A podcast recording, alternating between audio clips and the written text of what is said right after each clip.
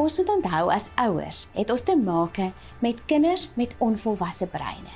En ons weet dat dit wat ons vir hulle sê, die omgewings waarin ons hulle blootstel en die aktiwiteite wat hulle doen, help om daai breintjie te vorm en so ook jou kind se selfbeeld.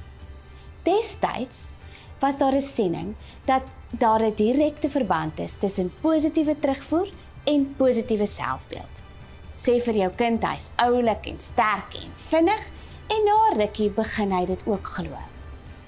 Maar toe kom Karel Dweck en neem hierdie siening 'n bietjie verder. Sy deel toe kinders in twee groepe op en gee vir hulle elkeen 'n legkaart om te doen. Nadat hulle die legkaart reg gekry het, sê sy vir die helfte van die groep: "Mooi so, julle is slim." En vir die ander helfte sê sy toe: "Mooi so, julle het hard probeer." Sy gee weer vir hulle elkeen 'n legkaart en hierdie keer 'n bietjie 'n moeiliker een. Die uitslaa was fascinerend. Die groep vir wie daar gesê is dat hulle slim is, het gouer moed opgegee as die ander kinders wat in teenstelling met die slim groep langer aangehou het en probeer het om by die antwoord uit te kom. Haar navorsing het getoon dat kinders wat meer suksesvol is, 'n sekere ingesteldheid het 'n ingesteldheid wat sy 'n growth mindset noem. 'n Ingesteldheid wat beteken dat kinders nie mislukking sien as 'n ramp nie en iets wat hulle definieer nie, maar 'n geleentheid om te leer en te groei en te ontwikkel. Die punte wat jou kind verloor in 'n toets, beteken met ander woorde nie dat hy dom is nie. Dit beteken net dat hy nog nie die konsep bepaas geraak het nie. Nog nie is die sleutelwoord hier. As ons kinders so ingesteldheid het, dan sal hulle selfbeeld ook ontwikkel. En dit is daarom nie net belangrik dat ons dit vir hulle moet modelleer of moet wys nie, maar dat ons dit ook by ons kinders kweek. Praat met jou kind oor die mislukkings en teleurstellings. Praat met jou oor jou eie mislukkings en teleurstellings. Onthou ons kinders leer baie meer deur dit wat hulle sien wat ons doen, deur dit wat ons vir hulle sê om te doen.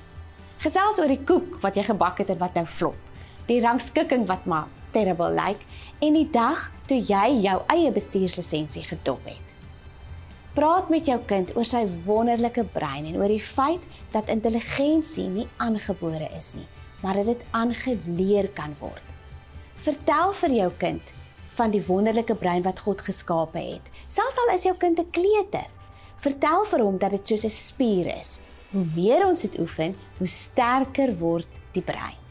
As jou kind byvoorbeeld sukkel om met 'n skêr te knip, moedig hom aan om byvoorbeeld met 'n spuitbottel water die plante buitekant te gaan spuit. En dan elke keer wanneer hy so spuit, dan sê jy vir hom: "Sien jy Sissa, nou dat jy so met jou handjie so spuit, oefen jy jou vingertjies. So volgende keer as jy sny, dan sal dit sommer makliker kom." Jou tiener moet ook besef dat sy brein gedurende die tienerjare ontsettend baie ontwikkel en elke dag nuwe netwerke vorm. Take wat hy oor en oor oefen, of dit nou wiskunde of sport is, word vasgelê en mettertyd word dit wat jou kind aanvanklik moeilik gevind het, makliker vir hom om te doen. Praat met jou kind oor sy dag. Maak dit meer spesifiek. Eerder as om te vra, "Hoe was jou dag?" Vra byvoorbeeld, "Wat het jy vandag geleer wat jy voorheen nie geweet het nie?" Wat was vandag vir jou moeilik? So ontwikkel jou kinders 'n ingesteldheid van groei. En nou baie belangrik. Prys die proses eerder as die produk. Maak 'n opmerking oor jou kind se deursettingsvermoë en sy harde werk en sy probleemoplossing eerder as die punt wat hy behaal het of die resultaat. Sê byvoorbeeld iets soos: "Wow, jy het baie hard aan die projek gewerk." In plaas van "Wow, jy's darm slim." Of "Sjoe, maar jy oefen hard. Ek is seker jou harde oefening gaan beloon word."